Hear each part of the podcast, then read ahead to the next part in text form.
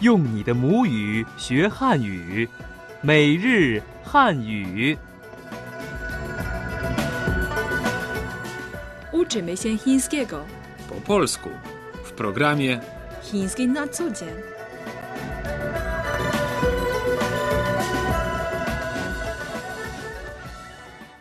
Lekcja 37.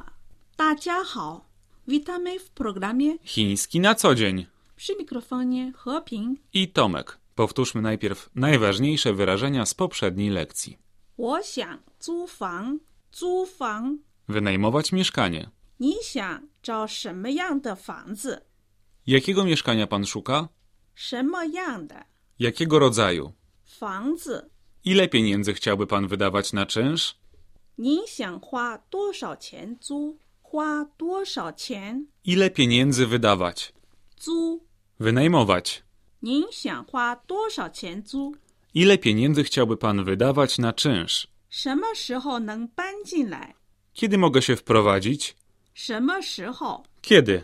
搬进来 Wprowadzać się. 月租怎么付 W jakich ratach mam płacić czynsz? 房租 Czynsz. 怎么付 W jaki sposób płacić? 房租怎么付 W jakich ratach mam płacić czynsz? Posłuchajmy teraz całości dialogów z dzisiejszej lekcji. 对话一：我想租房，你想找什么样的房子？带家具的两居，房子不要太旧。对话二：你想花多少钱租？月租三千元以内吧。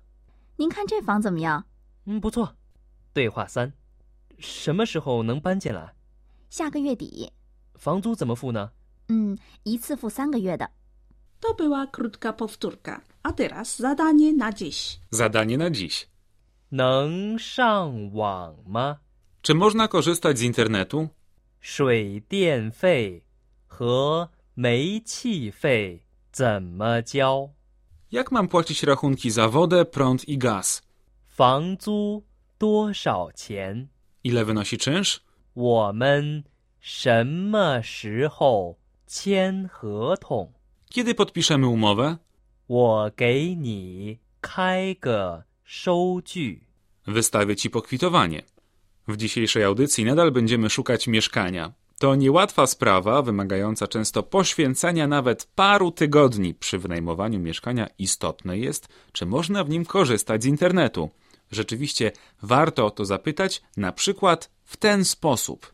能上网吗？能 Znaczy móc lub być w stanie. 上网 Korzystać z internetu, być online. 吗？ Jest partykułą dodawaną na końcu zdania i wskazującą na to, że jest ono pytanie. Na przykład, 你好吗？ jak się masz? 他了解中国吗？ Czy on wie coś o Chinach? 能上网吗？ Czy można korzystać z internetu? 对话一：能上网吗？ Czy można korzystać z internetu? 可以上网。 Tak, można. 上网 Korzystać z internetu. 能上网吗？ Czy można korzystać z internetu? 能上网吗？ Czy można korzystać z internetu? 可以上网。 Tak, można. I kolejne bardzo ważne wyrażenie, jak powiedzieć po chińsku, jak mam płacić rachunki za wodę, prąd i gaz. 水电费和煤气费怎么交？ Jak mam płacić rachunki za wodę, prąd i gaz? 水电费 Opłaty za wodę i prąd. 和 I 煤气费 opłata za gaz. 怎么 Jak? W jaki sposób? 交？ Płacić. 水电费和煤气费怎么交？ Jak mam płacić rachunki za wodę, prąd i gaz? 对话二：水电费和煤气费怎么交？ Jak mam płacić rachunki za wodę, prąd i gaz? 去银行交就可以。 Można je płacić w banku. Opłaty, rachunki za wodę, prąd i gaz. W jaki sposób płacić? Jak mam płacić rachunki za wodę, prąd i gaz? Jak mam płacić rachunki za wodę, prąd i gaz? Można je płacić w banku. A teraz rzecz chyba najważniejsza, trzeba się dowiedzieć, ile będzie wynosił czynsz. Wiemy już, jak zapytać o cenę towaru, ale z mieszkaniem będzie nieco inaczej. Jak zapytać, ile wynosi miesięczny czynsz? Można o to zapytać w ten sposób. 房租多少钱？房租 Czynsz. 多少钱？ Ile kosztuje? 房租多少钱？ Ile wynosi czynsz? 对话三：房租多少钱？ Ile wynosi czynsz? 月租两千八百元， 2800 juanów miesięcznie. I kolejne ważne sformułowanie. Kiedy podpiszemy umowę? Po chińsku 我们什么时候签合同？我们 my. 什么时候 Kiedy? 签合同？ Podpisywać umowę. 我们什么时候签合同？ Kiedy podpiszemy umowę? 对话四：我们什么时候签合同？ Kiedy podpiszemy umowę? 没问题的话，现在就可以。 Jeśli wszystko panu odpowiada, możemy podpisać ją teraz. Jak wspominaliśmy ostatnio, czynsz płaci się z reguły w ratach kwartalnych. Właściciel mieszkania wystawia lokatorowi pokwitowanie. Mówi wtedy: 我给你开个收据。 Wystawię ci pokwitowanie. 我 Ja, 给你 tobie, 收据， pokwitowanie. 开个收据。 Wystawiać pokwitowanie. 我给你开个收据。 Wystawię ci pokwitowanie. 对话五：这是三个月的房租。 Oto czynsz za trzy miesiące. 好的，我给你开个收据。 Dobrze, wystawię ci pokwitowanie. Powtórzmy teraz od początku najważniejsze wyrażenia z dzisiejszej lekcji. 能上网吗？上网。 Korzystać z internetu. 水电费和煤气费怎么交？水电费和煤气费。 Rachunki za wodę, prąd i gaz. 房租多少钱？ Ile wynosi czynsz? 房租。 Czynsz. 我们什么时候签合同？ Kiedy podpiszemy umowę? 签合同。 Podpisywać umowę. 我给你开个收据。 Wystawię ci pokwitowanie. 开个收据。 Wystawiać pokwitowanie. Posłuchajmy teraz dialogów z dzisiejszej lekcji. 对话一：能上网吗？ Czy można korzystać z internetu? 可以上网。 Tak, można. 对话二：水电费和煤气费怎么交？ Jak mam płacić rachunki za wodę, prąd i gaz? 去银行交就可以。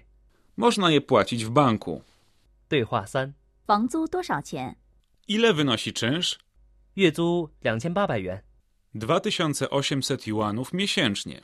对话四：我们什么时候签合同？ Kiedy podpiszemy umowę? 没问题的话， 现在就可以。 Jeśli wszystko panu odpowiada, możemy podpisać ją teraz. 对话五：这是三个月的房租。 Oto czynsz za trzy miesiące. 好的，我给你开个收据。 Dobrze, wystawię ci pokwitowanie. To były wszystkie dialogi w dzisiejszej audycji. Mam nadzieję, że wszystko zrozumieliście. Posłuchajmy teraz o tajnikach chińskiej kultury. Tajniki chińskiej kultury. W Chinach przed rokiem 1980 pojęcia takie jak zakup mieszkania czy nieruchomość były dla większości ludzi obce. Obowiązywał wówczas system przydziału mieszkań, w związku z tym większość Chińczyków mieszkała w lokalach służbowych należących do ich zakładu pracy, a czynsze były bardzo niskie. Lokatorzy takich mieszkań nie mieli oczywiście do nich tytułu prawnego. Z początkiem lat 90. Chiny zarzuciły system przydziału mieszkań służbowych i rozpoczęła się komercjalizacja rynku nieruchomości. Obecnie zakup mieszkania stał się podstawową troską zwykłych Chińczyków. Niektórzy młodzi ludzie uważają to wręcz za wstępny warunek zawarcia małżeństwa.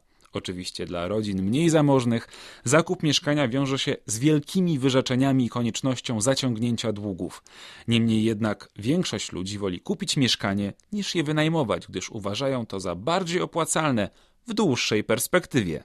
Na tym kończymy naszą dzisiejszą audycję. Jak zwykle mamy dla Was małą zagadkę. Jak zapytać po chińsku, ile wynosi czynsz? Jeśli znasz odpowiedź, napisz do nas na adres polmałpa.cri.com.cn. Dodatkowe informacje o naszym kursie uzyskasz na stronie internetowej www.cri.cn. My się tymczasem żegnamy. 再见。再见。